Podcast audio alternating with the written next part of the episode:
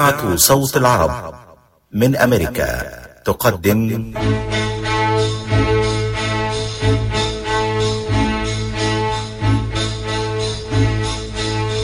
طيور مهاجرة.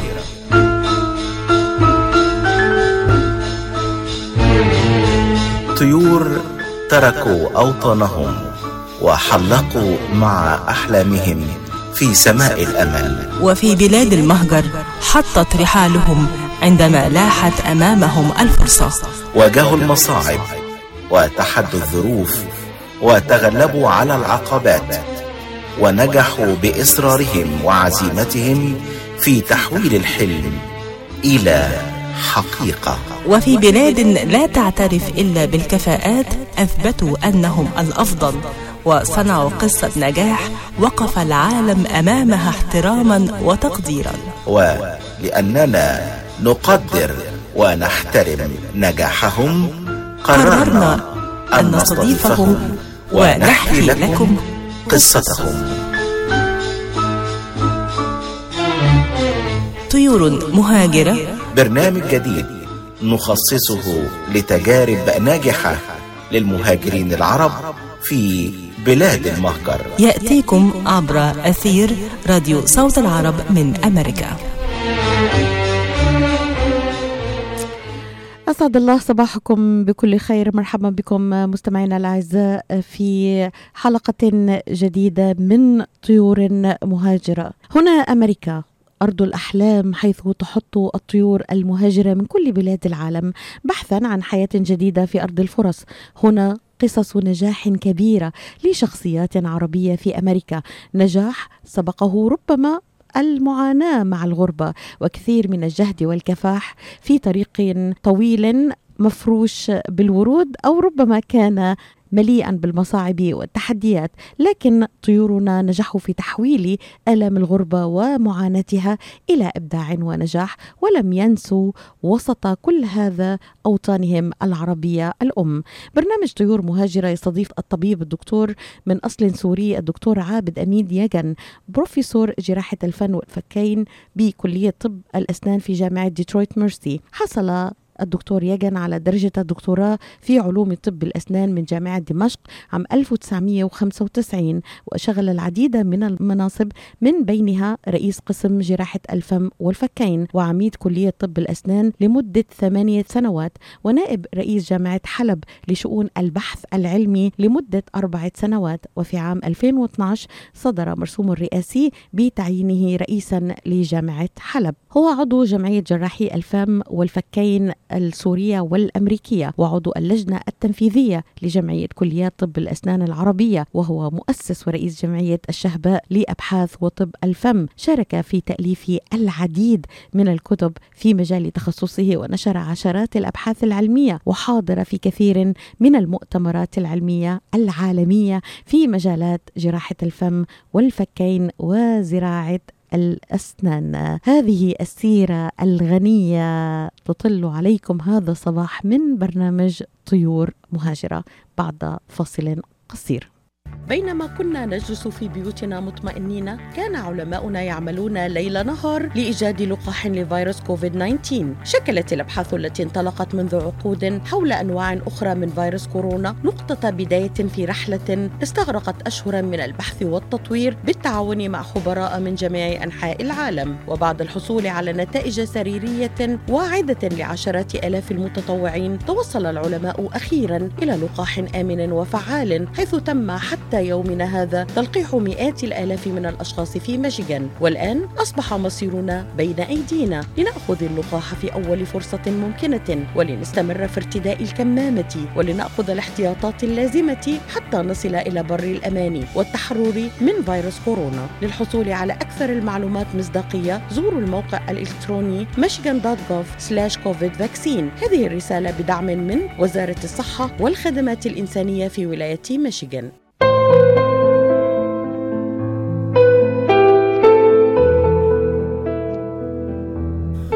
طيور مهاجرة.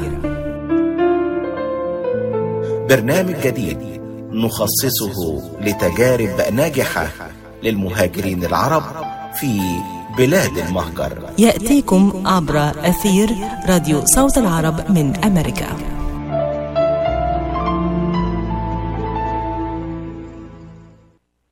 اليوم سنتكلم عن مدينة حلب. تصنف حلب على أنها من بين أقدم المدن المأهولة في التاريخ البشري، إذ يعود تاريخها إلى نحو سبعة آلاف عام قبل الميلاد، وتقع في أقصى الشمال السوري على مقربة من الحدود التركية، وتبعد عن العاصمة دمشق حوالي 355 كيلومتراً.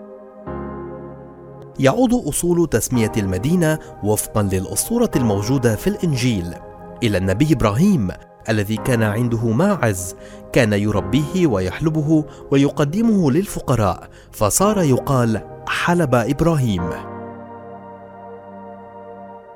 تعود أهمية حلب الاستراتيجية لكونها نقطة وصل رئيسية بين الشرق والغرب.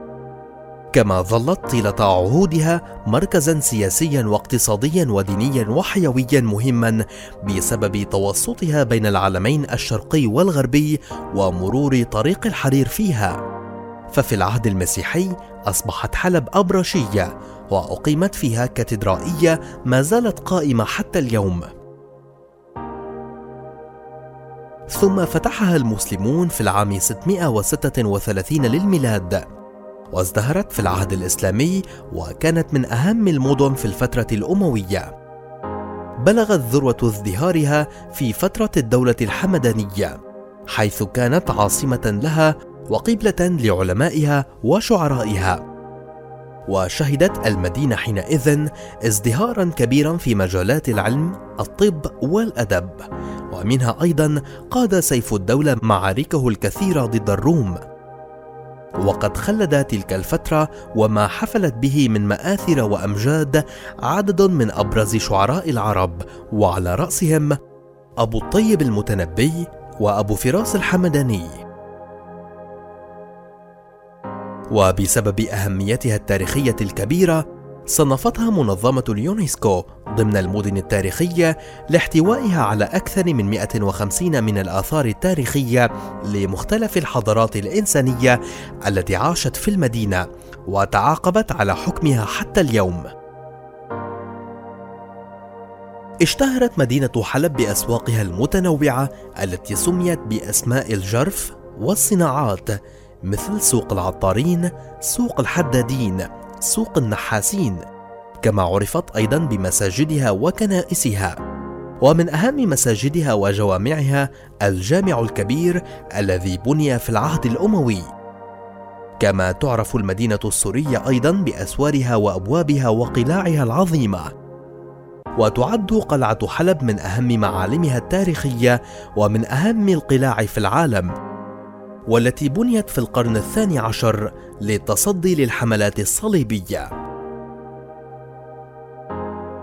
تعد حلب العاصمة الاقتصادية لسوريا وفيها أكبر مدينة صناعية عرفت واشتهرت بصناعتها العريقة المعروفة منذ القدم كصناعة النسيج وحلج القطن وصناعة صابون الغار وصناعة زيت الزيتون والصناعات الغذائية. كما تشتهر بأنواع كثيرة من المنتجات والصناعات التقليدية إضافة إلى الصناعات الحديثة المتطورة بكل أنواعها كما تعد حلب إحدى أكثر المحافظات السورية سكانًا بنحو خمسة ملايين نسمة، ويعتبرها السوريون عاصمة بلادهم الاقتصادية.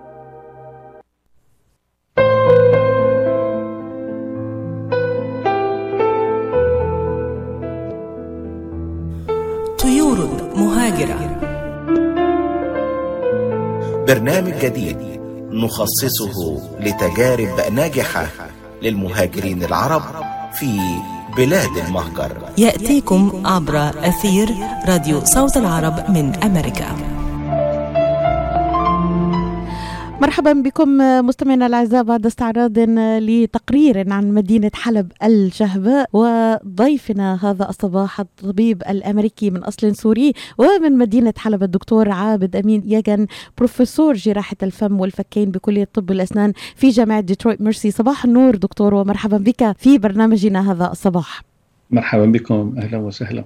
دكتور يعني نحن نتحدث هنا عن سيرة المهاجرين الذين استطاعوا أن يخطوا تجارب ناجحة من بلدانهم الأصلية إلى أمريكا. ولكن اليوم نحن نتحدث عن حالة مختلفة حالة نجاح. أيضا سجلت نجاحات كبيرة كما استعرض في بداية برنامجي في بلده الأم سوريا. سيرة غنية جدا كما استمع مستمعينا الأعزاء. وأنت أبن حلب. نرجع معك دكتور قليلا إلى حلب ذكرياتك طفولتك نشأتك التعليم إلى أن وصلت إلى عميد لكلية الطب في جامعة حلب. شكرا جزيلا أخت ليلى. الحقيقة المقدمة عن حلب فيها كثير من الشجون المقدمة التاريخية ونحن حافظانينها منذ نعومة أظافرنا بتاريخ بلدنا الحقيقة. في نقطة بس حبيت أضيفها أنه اكتشف مؤخرا بعض الآثار في مدينة حلب أو في محيط مدينة حلب التي تعود إلى 13 ألف سنة قبل الميلاد وليس 7000 سنة. وثبت ذلك لليونسكو أيضا. وأضيف أيضا أن حلب بالسنوات الأخيرة يمكن في العام 2008 أو قبل كانت عاصمة الثقافة الإسلامية واستضافت كبار المؤرخين في العالم وأرخت لحلب أيضا وحلب جديرة بأن تكون كذلك. فشكرا لك الحقيقة أثرت شجوني تجاه بلدي. أنا الحقيقة ولدت في مدينة حلب ونشأت وترعرعت فيها وأكملت دراستي المرحلة الجامعية الأولى في كلية طب الأسنان في جامعة حلب وتخرجت منها عام 1986 حلب تعني لي الكثير بأهلها وسكانها وطبيعتها وكل شيء فيها الحقيقة يعنيني وأحمل فيه أجمل الذكريات لأني أمضيت فيها أجمل أيام حياتي وأتطلع إلى العودة عليها في أقرب فرصة متاحة إن شاء الله. حلب كمدارس الحقيقة فيها أحسن أو أفضل المدارس على جميع المستويات سواء المدارس الخاصة أو المدارس العامة. التعليم في حلب من أحسن التعليم في الأراضي السورية. أنهيت الثانوية العامة والتحقت بكلية طب الأسنان وكانت كلية محدثة. الحقيقة أنا الدفعة الثالثة من خريجي الكلية. نشأت مع نشأة هذه الكلية ودرست فيها. الحقيقة وثم سافرت إلى دمشق وأتبعت دراستي لمرحلة الماستر ومرحلة ال PhD في جراحة الفكين ثم عدت أستاذا إلى كلية طب الأسنان في جامعة حلب وأنضوت فيها من عام 1992 إلى عام 2012 حقيقة. بدأت فيها أستاذا جامعيا باختصاصي اللي هو اختصاص جراحة الفم والفكين. كلية طب الأسنان في جامعة حلب تعتبر من أهم الكليات في سوريا ليست هي الأقدم ولكنها من الأهم. بلغت شأنا كبيرا وتطورت تطورا كبيرا ففي العام 2011 استضافت جامعة حلب أحد أكبر المؤتمرات الهامة في اختصاصات طب الأسنان المختلفة وبشهادة وللخبرة والمعرفة أن هذه الكلية وصلت إلى مصاف الكليات المتقدمة ليس في مستوى سوريا ولا في العالم العربي وإنما في العالم. كانت كلية طب الأسنان في جامعة تضم 360 عيادة. خلال وجودي فيها أحدثت فيها قسم جراحة الفم والفكين الذي يعتبر هو المركز الثاني في سوريا الذي يغطي خدمة جراحة الفم والفكين في شمال سوريا. يوجد الأول في دمشق والثاني في حلب. أحدثت خلال وجودي في عمادة الكلية حقيقة برنامج التدريب والتعليم المستمر وفتحنا الدرجات العلمية المتقدمة في الماجستير في كافة الاختصاصات وكذلك أحدثنا درجة الاختصاص من خلال برنامج الإقامة في الاختصاصات المختلفة وحلب بأساسها هي الحقيقة مقصد جميع الناس لأخذ لطلب العلم وكذلك كانت كلية طب الأسنان هي مقصد كل من يرغب في تطوير مهاراته في مجال اختصاصات طب الأسنان المختلفة. باشرنا بتعليم زراعة الأسنان في كلية طب الأسنان في جامعة حلب عام 1995 في حين كان الناس في معظم الدول في العالم الثالث كانت تنظر إلى زرع الأسنان على أنه ذلك العلاج المسرطن أو ذلك التطبيق المسرطن. كنا نحن ندرسه منهجا في كلية طب الأسنان في جامعة حلب. بعد أن تدربت عليه وباشرت بالتحضير له خلال وجودي في كلية طب الأسنان في جامعة بيتسبرغ عام 1993 حقيقه أنا تركت حلب تركت كلية طب الأسنان في حلب تركت جامعة حلب عام 2012 آه، مكرها لا بطلا لا أتطلع إلى الخروج ولا أتطلع إلى الغربة ولكن الظروف القاسية التي كانت تمر بها بلدنا في تلك الآونة لم تسمح لي بالاستمرار والبقاء فيها. وأسأل الله تعالى لها الاستقرار وعودة أهلها إليها ليعود ينعموا بالأمن والسلامة والسلام. أمين. أمين دكتور يعني آه ذكرت لي نقطتين هامتين للتوقف عندهما دكتور بعد فاصل قصير للاعلان بينما كنا نجلس في بيوتنا مطمئنين كان علماؤنا يعملون ليل نهار لإيجاد لقاح لفيروس كوفيد 19 شكلت الأبحاث التي انطلقت منذ عقود حول أنواع أخرى من فيروس كورونا نقطة بداية في رحلة استغرقت اشهرا من البحث والتطوير بالتعاون مع خبراء من جميع أنحاء العالم. وبعد الحصول على نتائج سريرية واعدة لعشرات آلاف المتطوعين توصل العلماء أخيرا إلى لقاح آمن وفعال حيث تم حتى حتى يومنا هذا تلقيح مئات الآلاف من الأشخاص في ميشيغان. والآن أصبح مصيرنا بين أيدينا لنأخذ اللقاح في أول فرصة ممكنة ولنستمر في ارتداء الكمامة ولنأخذ الاحتياطات اللازمة حتى نصل إلى بر الأمان والتحرر من فيروس كورونا. للحصول على أكثر المعلومات مصداقية زوروا الموقع الإلكتروني michigan.gov/covid vaccine. هذه الرسالة بدعم من وزارة الصحة والخدمات الإنسانية في ولاية ميشيغان. يوسف الحسن شايفك لازم بيد حالك عن إلي ساعة عم بستناك. مشان نروح نتغدى بالشام. الشام؟ إيه بالشام ومو بالشام. شلون صارت هي؟ بدل ما نروح نتغدى بالشام إيه. جابوا لنا الأكلات الشامية الطيبة لعنا لهم. وشلون بقى؟ هذا مطعم دماس عم يعمل كل الأكلات الشامية الطيبة. هو وطيبة؟ طيبة كثير شرفوا نتغدى سوا بمطعم دماس.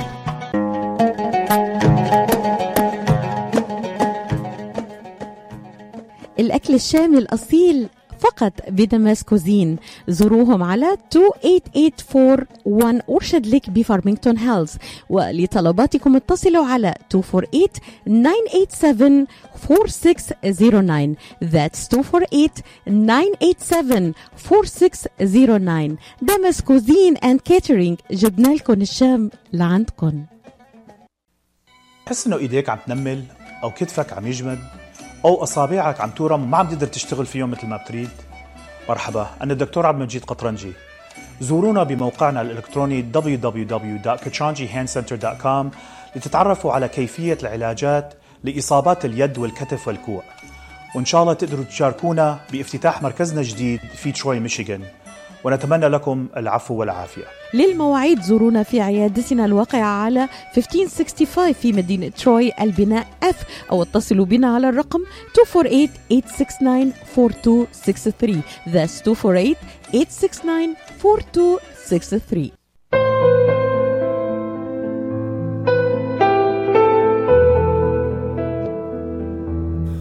طيور مهاجرة. برنامج جديد نخصصه لتجارب ناجحة للمهاجرين العرب في بلاد المهجر. يأتيكم عبر أثير راديو صوت العرب من أمريكا.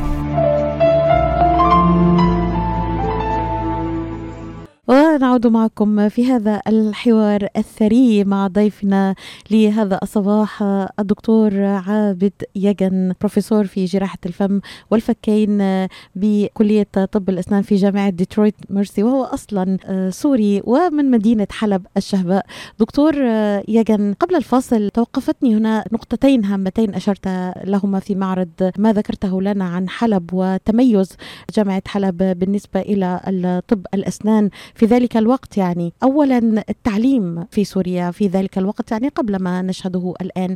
كما أشرت من مآسي في سوريا خريجي سوريا دكتور كان لهم يعني تفوق كبير في مجالات العلم. هل لك ان أن تلقي الضوء قليلا على هذه النقطة؟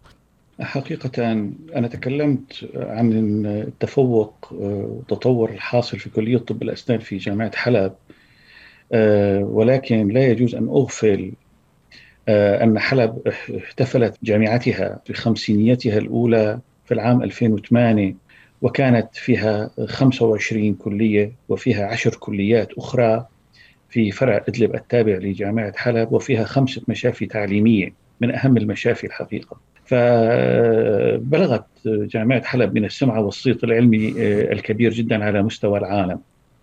حقيقة. وكانت مقصد الباحثين والأطباء ومشاهير المهتمين في البحث العلمي آه، على كل صعيد في جميع الاختصاصات وليس في طب الأسنان. هناك اختصاصات الطب والهندسات والهندسة الزراعية والحقوق.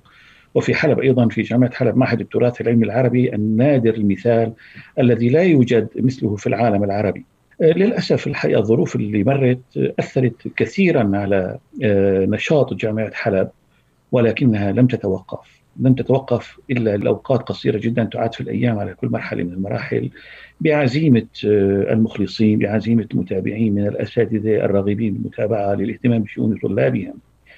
وكانوا آه، الحقيقة يعني آه، يوصلون الليل بالنهار لاستمرار العملية التعليمية وعدم توفقها لأنه لا يجوز الحياة أن تتوقف مهما تكون الظروف ولا يجوز للعلم أن يتوقف مهما تكون الظروف أبالغ إن قلت أنها لم تتأثر بسبب الظروف ولكن تأثرها ولله الحمد لم يكن كبيرا جدا كما تأثرت المؤسسات العمرانية والاقتصادية الأخرى كجامعة. وكذلك أيضا جامعة دمشق لم تتأثر كثيرا آه، في ظروف الحرب.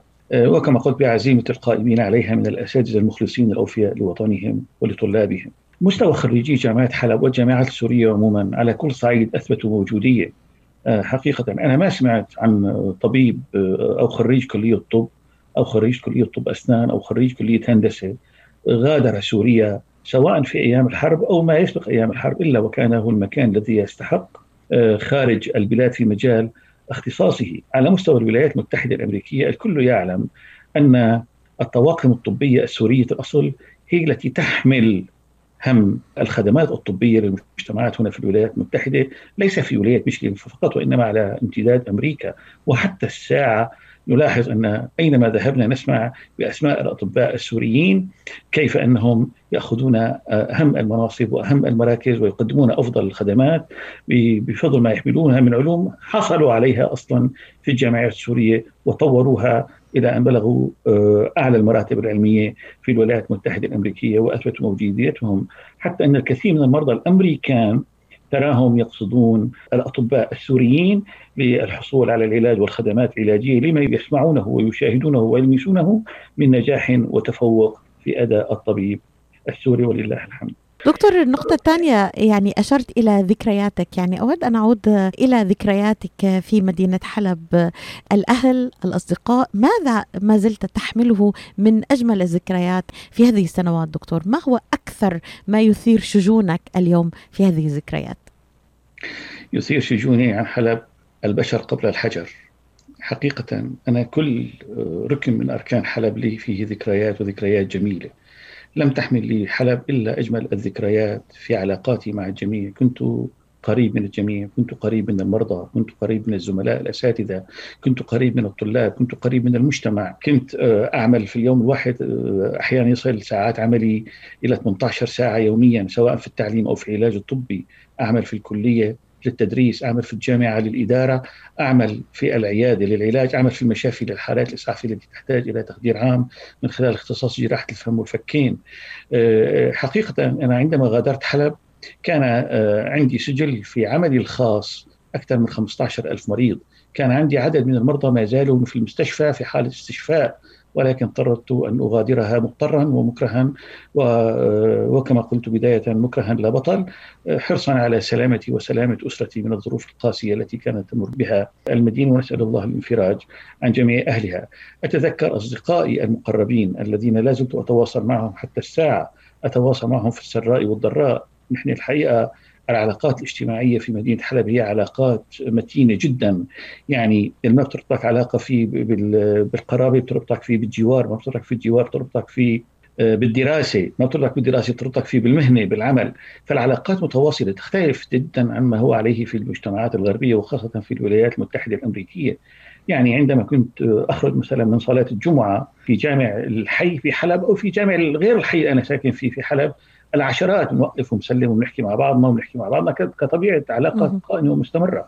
الحقيقة أكثر ما افتقدته هنا أنا أصلي الجمعة هنا والحمد لله ولكن أكثر ما افتقدته هنا هي صلاة الجمعة. البارحة خطرت لي الحقيقة عند أداء صلاة الجمعة هنا في بلومفيلد هيلز شعرت إنه أخرج أعرف شخص أو شخصين بينما هناك أعرف قد أكون أعرف عشرات الأشخاص ويعرفوني المئات من الموجودين في المسجد والكل أخوة وأصدقاء وأحباب.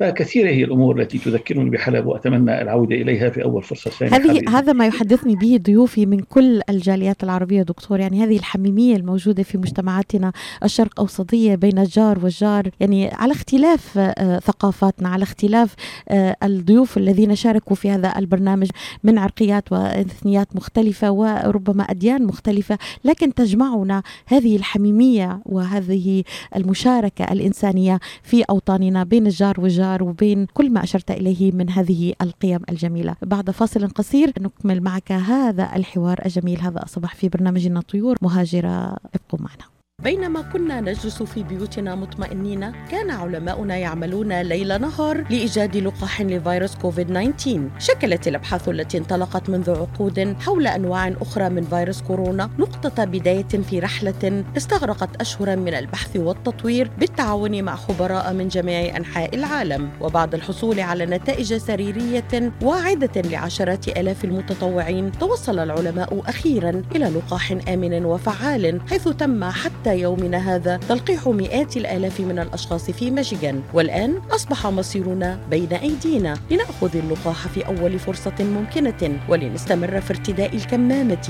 ولنأخذ الاحتياطات اللازمة حتى نصل إلى بر الأمان والتحرر من فيروس كورونا. للحصول على أكثر المعلومات مصداقية زوروا الموقع الإلكتروني michigan.gov/covid vaccine. هذه الرسالة بدعم من وزارة الصحة والخدمات الإنسانية في ولاية ميشيغان. تحس إنه إيديك عم تنمل أو كتفك عم يجمد أو أصابعك عم تورم ما عم تقدر تشتغل فيهم مثل ما بتريد؟ مرحبا أنا الدكتور عبد المجيد قطرنجي. زورونا بموقعنا الإلكتروني www.kachanjihandcenter.com لتتعرفوا على كيفية العلاجات لإصابات اليد والكتف والكوع. وإن شاء الله تقدروا تشاركونا بافتتاح مركزنا الجديد في تروي ميشيغان. ونتمنى لكم العفو والعافية.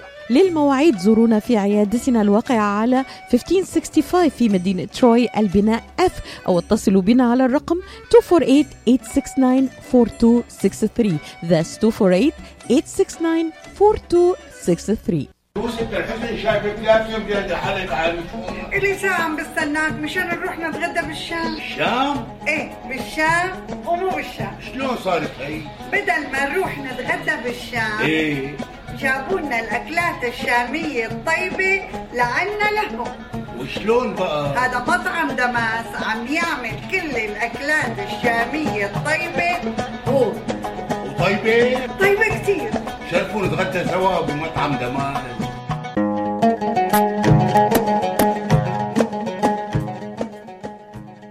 الأكل الشامي الأصيل فقط ب Damas Cuisine زوروهم على 28841 Orchard Lake بفارمينغتون هيلز.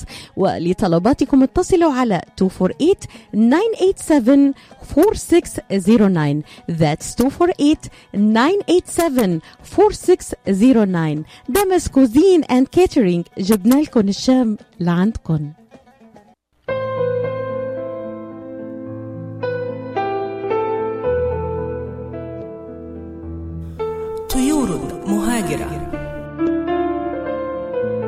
برنامج جديد نخصصه لتجارب ناجحة للمهاجرين العرب في بلاد المهجر. يأتيكم عبر أثير راديو صوت العرب من أمريكا.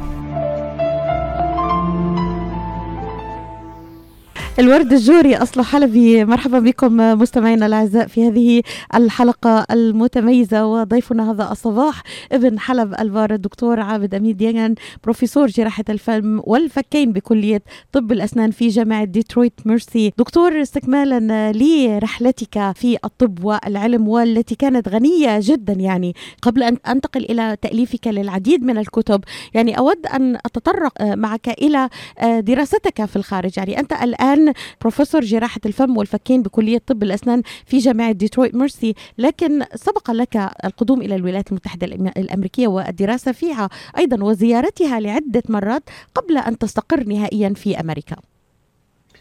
حقيقة آه، ابتدأت علاقتي الأكاديمية مع الولايات المتحدة الأمريكية عام 1993 آه، عندما تسجلت لمرحلة ال PhD في جراحة الفم والفكين في جامعة دمشق فكان لي أستاذ مشرف مشارك على البحث اسمه الدكتور جان كريسبر ماسيمو من West Virginia University وكان يعمل آه، في مجال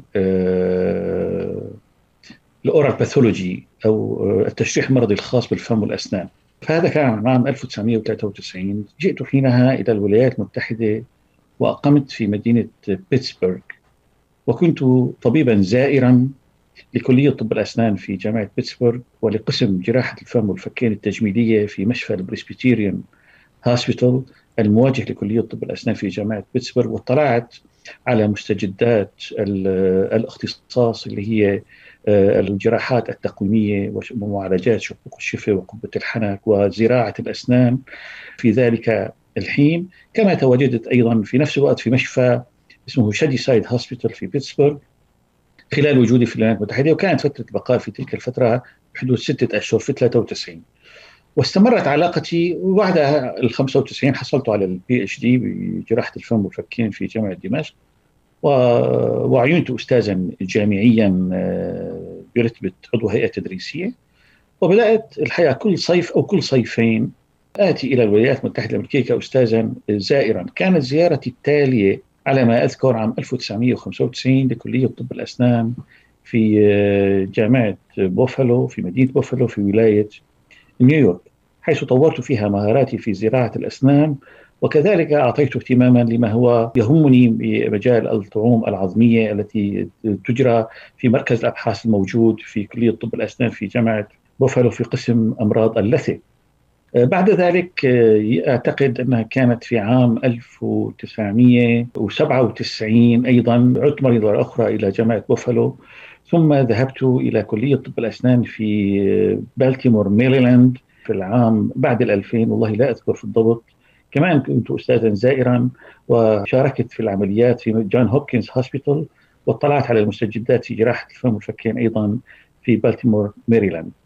في العام 2011 كانت زيارتي الأخيرة العلمية إلى كلية طب الأسنان في كنتاكي في لوفل آه، جامعة لوفل في كنتاكي. آه، الحقيقة أيضا حققت فيها فائدة كبيرة في قسم جراحة الفم والفكين هناك.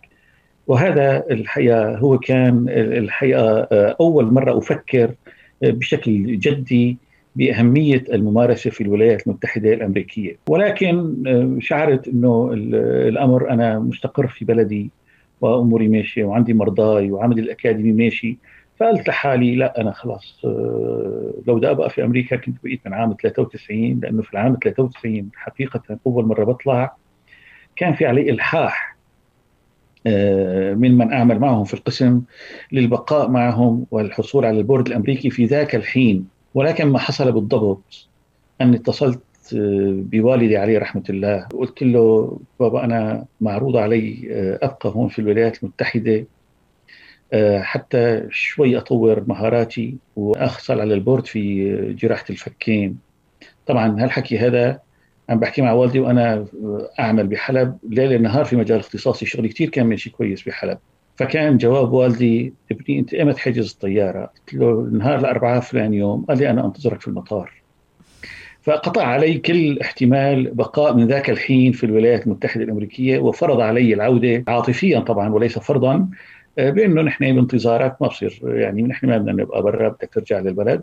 وهذا ما حصل فعلا ولم أندم على ذلك قيد شعرة. لأنه الحمد لله كنت موفق في عملي وخدمت بلدي وقدمت سنوات من العمل الطوال في خدمة البلد سواء في التعليم أو في العمل الطبي. والعمل الاجتماعي أيضا والحمد لله رب العالمين. وكنت أيضا مهتم كما ذكرت لك بالاضافه إلى العمل الطبي والعمل التدريسي. كنت مهتم أيضا آه، بالجمعية الأهلية اللي هي انشاتها بحلب وهي أول جمعية تنشأ في شمال سوريا اسمها جمعية الشهباء للأبحاث وطب الفم التي كانت تعنى في تطوير مهارات الزملاء أطباء الأسنان الخريجين القدامى للاطلاع على كل ما هو مستجد في مجال اختصاص طب اختصاصات طب الأسنان المختلفة.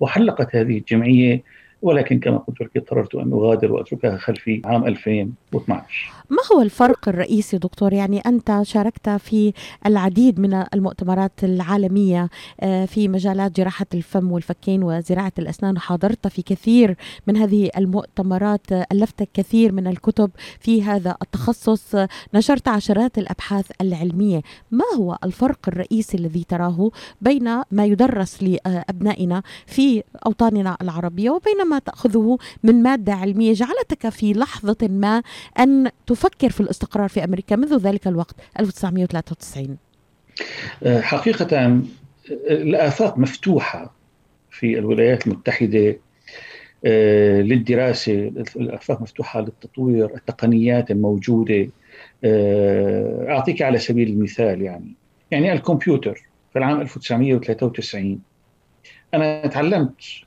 على الكمبيوتر في الولايات المتحدة الأمريكية. لأن ما كان في عندنا كمبيوترات في سوريا في 93 وعدت إلى سوريا وكنت يمكن أنا من طلائع الناس في سوريا اللي اقتنوا الكمبيوتر وحطوه في العيادة وعملوا برنامج لترتيب أمورهم المتعلقة في العمل الطبي.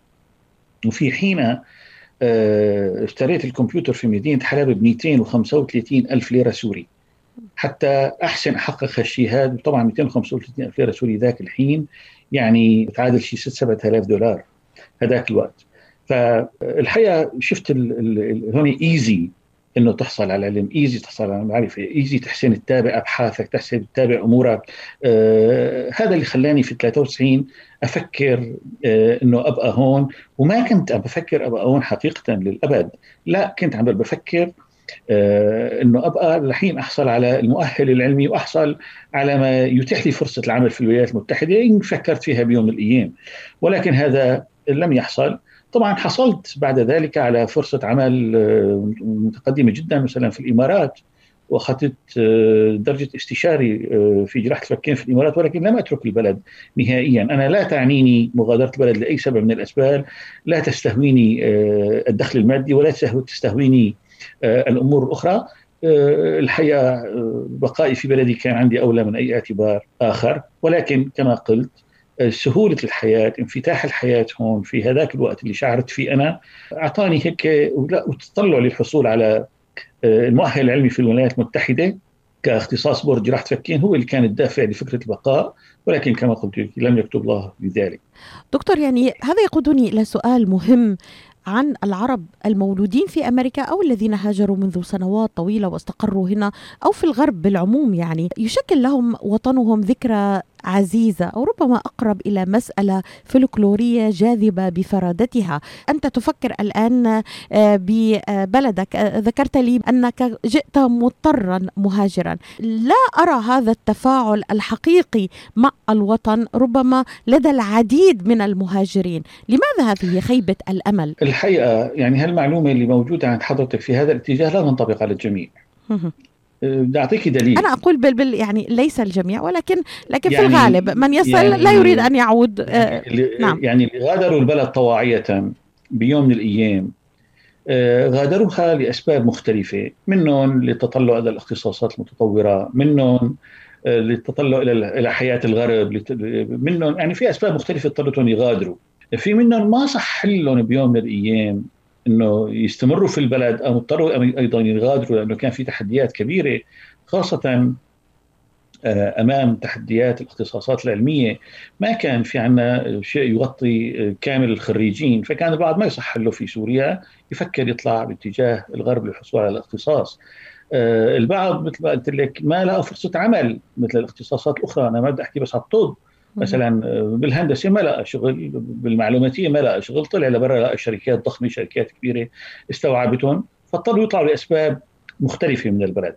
أنا لا أناقش هذا الجانب الآن ولكن إنه ما زالت العلاقة مع بلدهم مستمرة ولا غير مستمرة.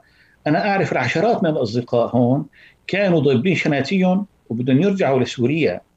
ويفتتحوا عياداتهم ويفتتحوا مكاتبهم ويفتتحوا أعمالهم بعد ما اشتغلوا هون 10 و15 و20 سنة. بدهم يرجعوا لهنيك حتى أولادهم يعيشوا هنيك ومدارس هنيك ويتربوا هنيك. ولكن الظروف كانت أقوى منهم لم يستطيعوا ذلك. وأيضا الكثرة الكثيره منهم كانوا خلال عطل الصيف يرسلون أولادهم هنا كمان يرجعوا لحلب وسوريا كمان بشكل عام ويزوروا البلد وعلاقتهم ما زالت قائمه مع أهلهم وأسرتهم وأخوتهم وأصدقائهم واشتروا بيوت ويعني ما انقطعت الصلة بين المغترب السوري وبلده كما انقطعت الآن بسبب هذه الظروف الاستثنائية. أنا هنا لا أتحدث فقط عن المغترب السوري دكتور. يعني أنا أتحدث عن المغترب العربي الذي يخرج لأسباب متعددة كما شرت. أنا يعني قلت لا أعمم ولكن نسبة كبيرة يعني من خرجوا استقروا في الولايات المتحدة الأمريكية وبقي الوطن لديهم فقط ذكرى معينة. أنا أتحدث عن تفاعل المهاجر مع وطنه. ليس بالضرورة أن يترك أمريكا ويعود إلى وطنه ليحدث هذا التفاعل. الحقيقة هذا غير جائز. يعني لا يجوز إنه واحد ينسى وطنه اللي نشأ فيه وخلق فيه واللي منه أمه وأبوه ومنه اقربائه وأصدقائه وخاصة إذا تعلم فيه. ما بصير يتركه. ولازم هالشيء يورثه لأولاده أيضا. يخليهم يحبوا بلدهم يحبوا أمهم. يعني أنا وقت بشوف شخص من الجالية العربية هون موجود أه بتقول له أنت شو بقول لك؟ أنا امريكي أبوي لبناني. أنا امريكي أبوي سوري. لا يا ابني أنت كمان لبناني أو أنت كمان سوري. ولكن ولدت في أمريكا أنت. ببقى أصلك سوري ببقى أصلك لبناني ببقى أصلك عربي. هذا لازم ما تنساه. فبحكي مع الكبير والصغير لازم نحن هالتوجه هذا ما نشيله من نفوس أولادنا ويعتزوا ويفخروا في ذلك. ما ينظروا للموضوع من منظار أوضاع حالية أو أوضاع صعبة سواء في مصر أو في العراق أو في سوريا أو في لبنان أو إلى آخره، ننظر على التاريخ. يعني بلاد تمتد إلى آلاف السنين بجذورها بأهاليها بجيناتها. هي بلاد حديثة هون. يعني أنا برأيي الشخصي يفترض بكل فرد مغترب ترك بلاده لسبب ما ألا يقطع أواصر التواصل مع من في البلد. يعني إذا بده يبيع كل شيء يعرف له بيت هنيك حتى يروح ويقعد فيه ويشوف جاره ويشوف حاله هي حية ويروح مشاويره هو مرتاح في في بلده اللي نشأ فيها. أنا أفكر بهذه الطريقة حقيقة. يعني أنا الآن إذا بدي أجيب الحقيقة شيء من ألبستي من هيك لهون بحس حالي عم بعمل شيء غلط إنه لازم تبقى علاقتي موجودة مع بلدي، لازم أنا أفكر إنه هي بلدي ولازم أرجع لها بيوم الأيام بدون ما أخسر كل شيء بنيته هون، كل شيء عملته هون، كل شيء قدمته هون، كمان هون العطاء عطاء إنساني، كمان هون العطاء علمي، كمان عطاء هون عطاء أخلاقي، لازم نحن أيضا نفكر بأخلاق ونبني المجتمع اللي نحن قاعدين فيه، نعكس فيه تربيتنا، نعكس فيه أخلاقنا، نعكس فيه إيماننا إن نحن مؤمنين فيه بما يحقق مصلحتنا ومصلحة المكان اللي نحن عايشين فيه اللي حقق لنا كل راحة وكل سكينة وإطمئنان. نقطة هامة جدا. نتوقف أيضا عندها ربما في برامجنا القادمة موضوع الهوية لأبناء المهاجرين. تعزيز انتمائهم تعزيز تمسكهم باللغة العربية. كيف نصنع ذلك؟ من خلال ما أشرت له دكتور مع تمسكنا بوطننا الجديد الذي فتح لنا أبوابه مهاجرين من كل أصقاع الدنيا والذي يجب أن نبني فيه يجب أن نتمسك فيه يجب أن نعطيه أيضا كل هذه القيم الجميلة والتي تعكس كما أشرت تربيتنا وأخلاقنا وانتمائنا لأوطاننا. بعد الفصل نكمل معك حوارنا الغني هذا الصباح وسيرة غنية جدا للدكتور عابد يكن بعد الفاصل. بينما كنا نجلس في بيوتنا مطمئنين كان علماؤنا يعملون ليل نهار لإيجاد لقاح لفيروس كوفيد 19 شكلت الأبحاث التي انطلقت منذ عقود حول أنواع أخرى من فيروس كورونا نقطة بداية في رحلة استغرقت أشهرا من البحث والتطوير بالتعاون مع خبراء من جميع أنحاء العالم. وبعد الحصول على نتائج سريرية واعدة لعشرات آلاف المتطوعين توصل العلماء أخيرا إلى لقاح آمن وفعال حيث تم حتى حتى يومنا هذا تلقيح مئات الآلاف من الأشخاص في ميشيغان. والآن أصبح مصيرنا بين أيدينا لنأخذ اللقاح في أول فرصة ممكنة ولنستمر في ارتداء الكمامة ولنأخذ الاحتياطات اللازمة حتى نصل إلى بر الأمان والتحرر من فيروس كورونا. للحصول على أكثر المعلومات مصداقية زوروا الموقع الإلكتروني michigan.gov/covid vaccine. هذه الرسالة بدعم من وزارة الصحة والخدمات الإنسانية في ولاية ميشيغان. يوسف الحسن شايفك لابسه بجد حلت على إلي ساعة عم بستناك مشان نروح نتغدى بالشام الشام؟ إيه بالشام ومو بالشام شلون صارت هي؟ بدل ما نروح نتغدى بالشام إيه جابوا لنا الأكلات الشامية الطيبة لعنا لهم وشلون بقى؟ هذا مطعم دماس عم يعمل كل الأكلات الشامية الطيبة هو وطيبة؟ طيبة كتير شرفوا نتغدى سوا بمطعم دماس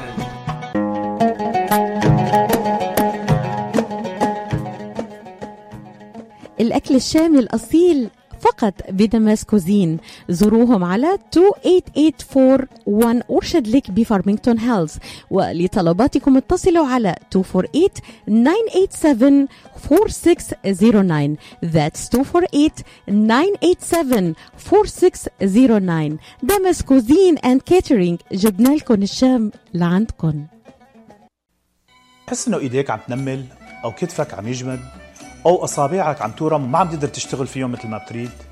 مرحبا أنا الدكتور عبد المجيد قطرنجي. زورونا بموقعنا الإلكتروني www.kachanjihandcenter.com لتتعرفوا على كيفية العلاجات لإصابات اليد والكتف والكوع. وإن شاء الله تقدروا تشاركونا بافتتاح مركزنا الجديد في تروي ميشيغان. ونتمنى لكم العفو والعافية. للمواعيد زورونا في عيادتنا الواقعة على 1565 في مدينة تروي البناء F أو اتصلوا بنا على الرقم 248-869-4263 That's 248-869-4263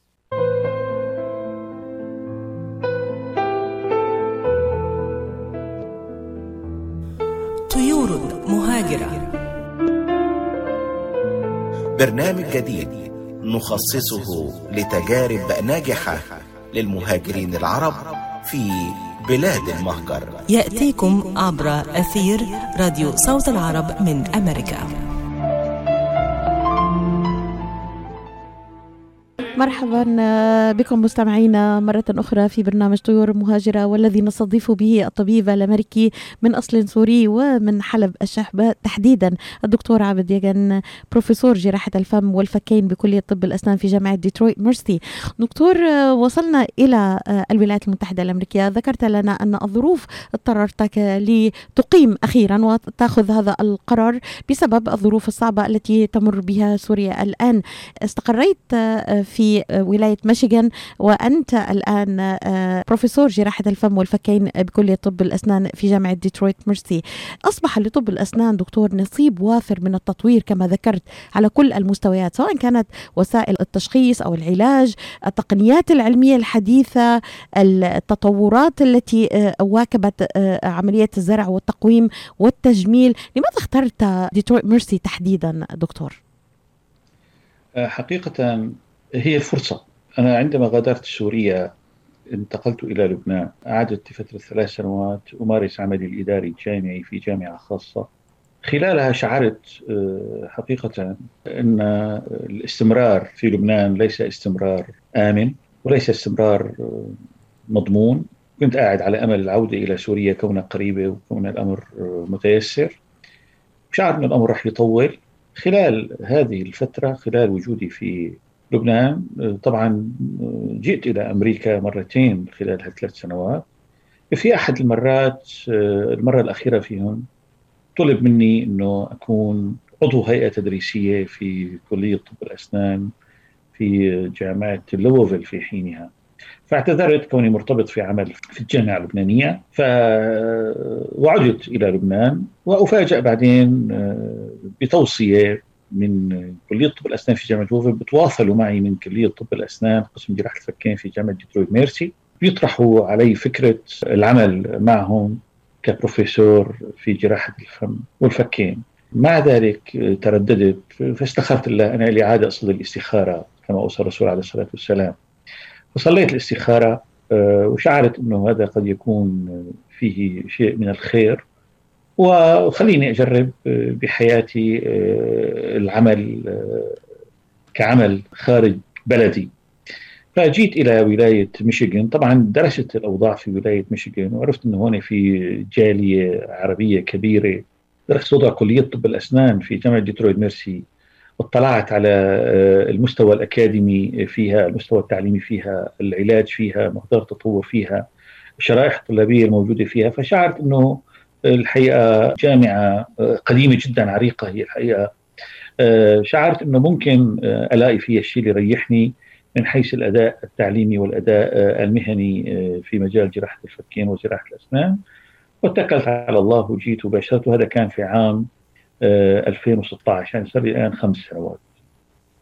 دكتور ما الذي تقدمه جامعة مرسي من خدمات بشكل عام يعني متميزة للجاليات العربية؟ يعني أود أن ألقي الضوء بشكل بسيط على هذه الخدمات وإن شاء الله بنفتح المجال لاحقا لنتعرف أكثر على هذه الخدمات. معروف أن علاج الأسنان يعني تكلفته كبيرة جدا جدا دكتور. يعني لا تغطيه التأمينات بمعظمها ولكن هناك تكلفة كبيرة للعلاجات على اختلافها. ما الذي يميز ديترويت ميرسي مثلا من خلال وجودك فيها والخدمات التي تقدمها. الحقيقة كلية طب الأسنان في جامعة مرسي تحرص الحرص الشديد على المستوى العلمي للطالب. وطب الأسنان بجميع فروعه يحتاج إلى مهارات سريرية يكتسبها الطالب. ولا يمكن أن تكون هذه المهارات السريرية إلا من خلال وجود المرضى.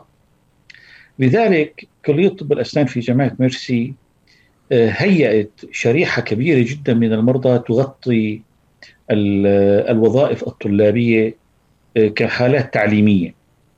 وتستقبل جميع المرضى بجميع الحالات العلاجية سواء كانت على مستوى علاج كوظيفة للطلاب في مرحلة ما قبل التخرج أو في مرحلة الريزيدنسي وما بعد التخرج.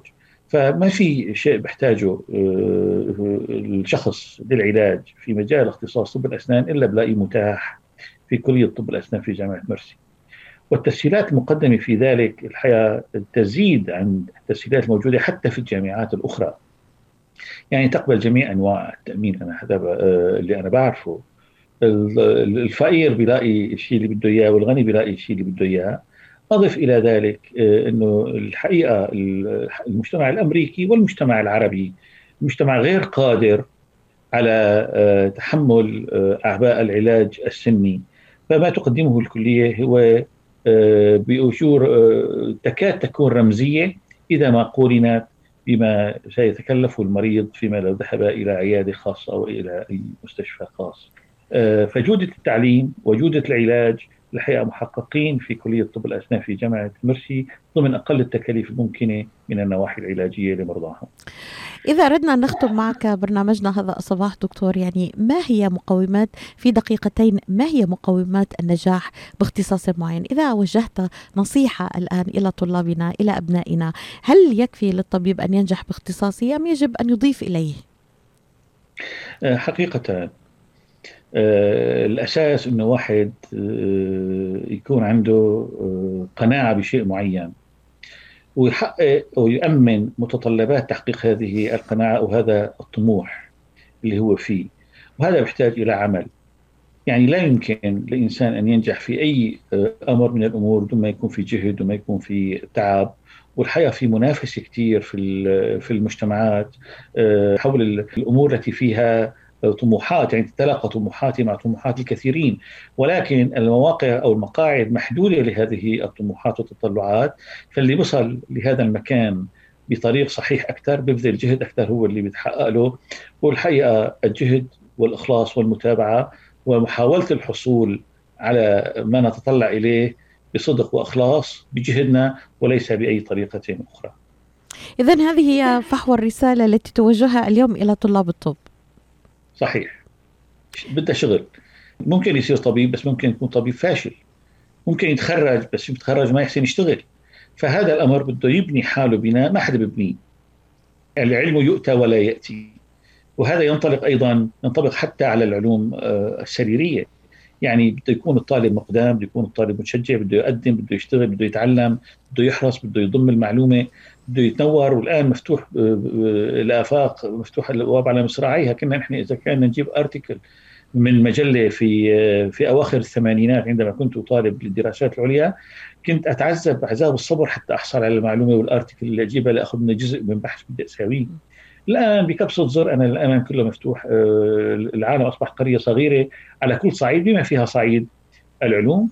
فالامور متاحة ما بقى في عذر لاحد التقصير في مجال تطوير التطوير نفسه من حيث في دقيقة دكتور لو رجع فيك الزمان للوراء وعدت طالبا من جديد ما هي الأشياء التي لم تقم بها في ذلك الوقت وتتمنى القيام بها؟ الحقيقة قصرت في رياضة الفروسية.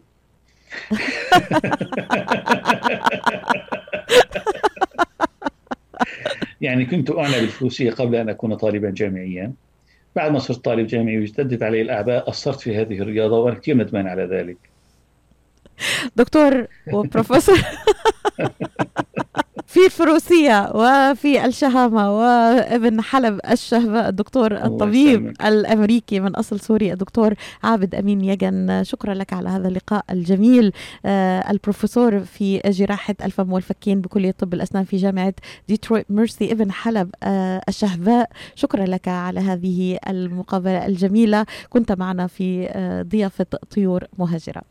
الشكر لك أخت ليلى. حقيقة صوت العرب من أمريكا هو كان رفيقي اليومي في يوم أنا أذهب فيه إلى عملي.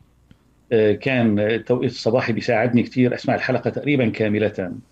وكنت دائما أقول الله يجزيها الخير آه، الأخت ليلى عشير عم تقدمه للجالية العربية من خلال آه، هالقصص وهالروايات وهالحكاية وهاللقاءات المختلفة وهالنصائح اللي عم يجوا فيها ال- ال- الموجودين من من ضيوف من جميع الملل وجميع الطوائف الموجودة في الولايات المتحدة. هذا ما تقومي به هو عمل آه، إنساني اجتماعي بامتياز مأجور عليه آه، حقيقة دنيا وآخرة. الله يبارك فيك وشكرا لك الله إن شاء الله في لقاءات قادمة نتابع حديثنا. أشكرك دكتور جزيل الشكر كما أشكر كل من تابعنا هذا اليوم. لا تنسوا أن تستمعوا إلى لقائنا الجميل أيضا في تمام الخامسة مساء بتوقيت الساحل الشرقي من يوم الثلاثاء. تحياتي للجميع. هذه الليلة الحسيني تحييكم. إلى اللقاء في حلقة أخرى من طيور مهاجرة.